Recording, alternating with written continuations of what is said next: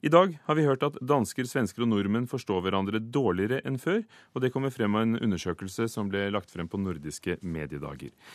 En mulig årsak til dette er at vi stadig oftere tyr til engelsk i samtaler med broderfolket. Det sa i hvert fall professor i nordisk språk Arne Torp til Kulturnytt i morges. Ja, jeg tror at det er den store trusselen, da. At uh, spesielt yngre mennesker, de er jo De syns jo at det er veldig kult å snakke engelsk, og når de da kan liksom bruke engelsken og syns at den er helt grei, så er det lettere enn å måtte liksom eh, tilpasse seg eh, en som snakker annerledes. Sa Arne Torp. Finn Erik Vinje, også du språkprofessor.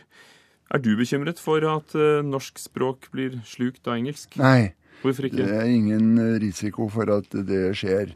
Men det kommer jo litt an på hva du mener med norsk språk. da. Hvis du mener det dagligspråket vårt, det vi bruker ved frokostbordet, Eh, det kommer ikke til å bli særlig truet av engelsk.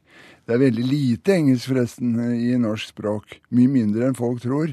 Eh, hvis eh, fremmedord er noe problem, så er det snarere greske og latinske og tyske og franske ord. Dem har vi jo i mengder.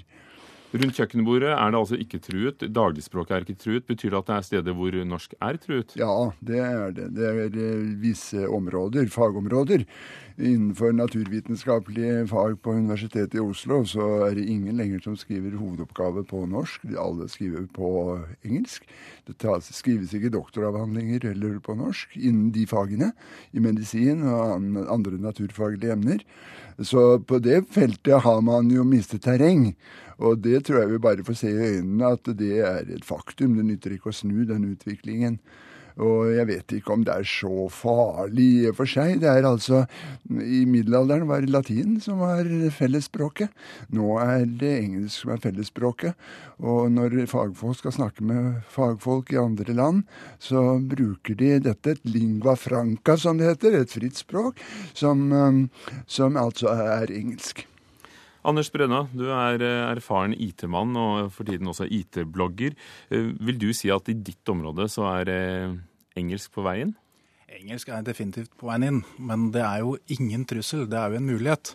Jeg syns det er fantastisk at ungene våre er blitt kjempeflinke i engelsk, slik at de kan snakke med barn fra andre land, og når de blir voksne at vi blir flinkere til å kommunisere på tvers av landegrensene og få kommunisert. Så jeg syns det er helt fantastisk. Og at det blir doktorgradsavhandlinger og fag går opp på engelsk, det er ganske naturlig. Det er naturlig, men er det ikke også en måte der norsk forringes som språk? Fordi vi, vi glemmer å snakke om fag og viktige ting på norsk? Det er jo noen som jåler seg med å bruke engelske uttrykk der vi har gode norske uttrykk. Men stort sett så i alle mulige bransjer, alle mulige fag, så er det ofte en fordel å holde seg til engelsk, fordi det er et uh, mer bredt språk, det er en større ordbok, og det kan bli mer presist når du kan uttrykke deg på engelsk. Men er det kanskje jålete sett for deg som IT-mann når, når vi bruker norske uttrykk for, for engelske, som å si verdensveven istedenfor uh, internett? Det er ikke jålete, det er rett og slett krampaktig. Du får en litt sånn følelse av en sånn krampaktig innavlsforsøk på at vi skal bevare noe gammelt, istedenfor å berike språket vårt og si at oi, her var det noen gode engelske uttrykk som vi like gjerne kan ta med oss inn i norsken. Når guttungen sier jeg skal bare CV gamet, maser om å få spille litt til før han legger seg, så syns jeg det er helt greit. Jeg synes det er helt fint, det. Det er vel blitt ganske vanlig å si lagre på norsk, og uten at det er krampaktig, eller er det krampaktig? Det er ikke krampaktig, men eh, det virker like godt med å CV games, syns jeg. Når er det krampaktig, og når er det nyttig, finner ikke Vinje, å, å bruke norsk og, finne på norske ord? Det er et godt spørsmål det du kommer med. Jeg er også ganske pessimistisk med tanke på at vi skulle kunne erstatte hele dette ordforrådet som har med datateknikken og IT-bransjen og sånn å gjøre, og kunne oversette det til norsk. Det er ikke sikkert det er ønskelig engang. Eh, og det er jo forbløffende også hvordan norsk greier å tilpasse seg. altså. Om, omforme engelske ord til å passe inn i den norske grammatiske strukturen. Av typen eh, save og, og delete. Delete, hører jeg de sier nå. Altså fjerne, slette. Uh, altså med no norsk bøyning. Så det viser hvor livskraftig norsk språk er. At de altså kan anvende uh, kjente grammatiske mønstre på det nye.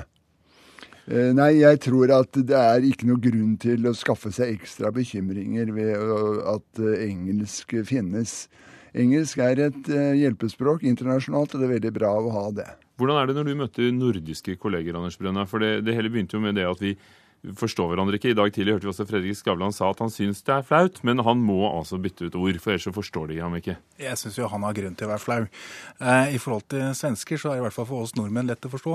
Jeg ikke, kan ikke huske jeg har hatt noen store problemer, bortsett fra noen artige uttrykk som betyr litt forskjellige ting. I forhold til dansker så blir det ofte i bransjen at vi slår over til engelsk. Og så blir det ofte misforståelser i Norge hvis noen, en foredragsholder, tar et engelsk IT-uttrykk og oversetter til norsk, og da kan hele salen sitte og ikke skjønne hva det er snakk om, selv om alle snakker om samme teknologi.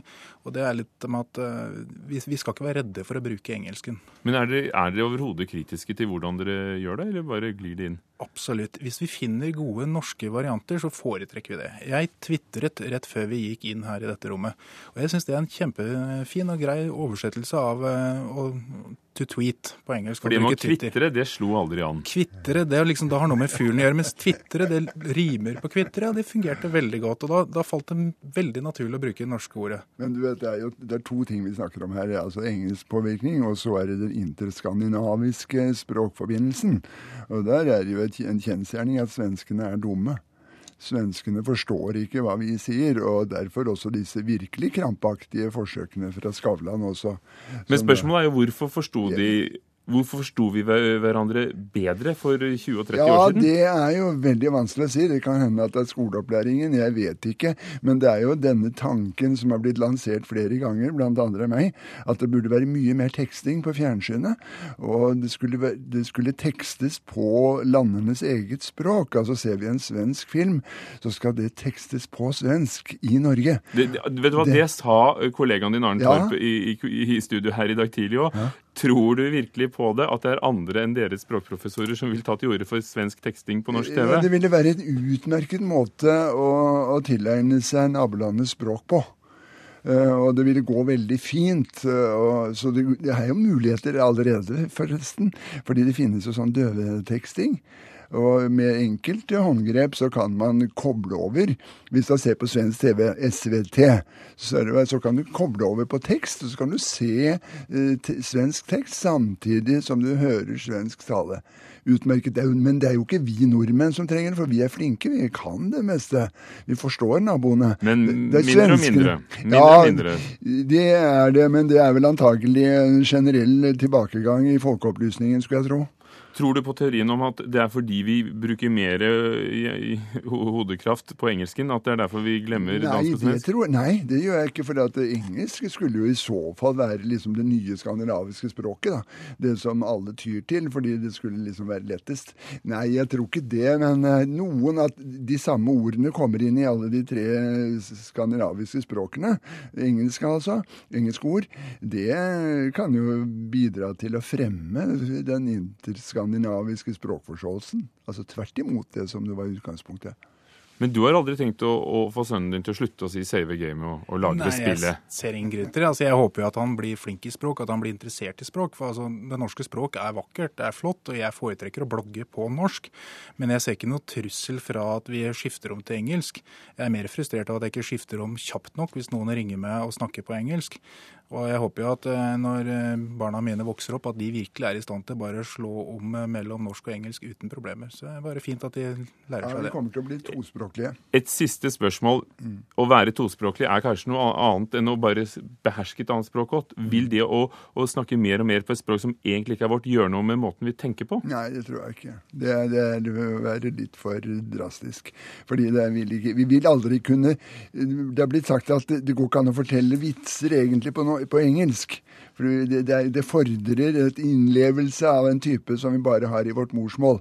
Så Sånn sett med engelsk blir et hjelpespråk, som latinen var i middelalderen. Og da kommer kanskje Bibelen på engelsk igjen også, som vi hadde den på latin. Takk skal dere ha, Finn Erik Vinje, språkprofessor og Anders Brenna, IT-blogger.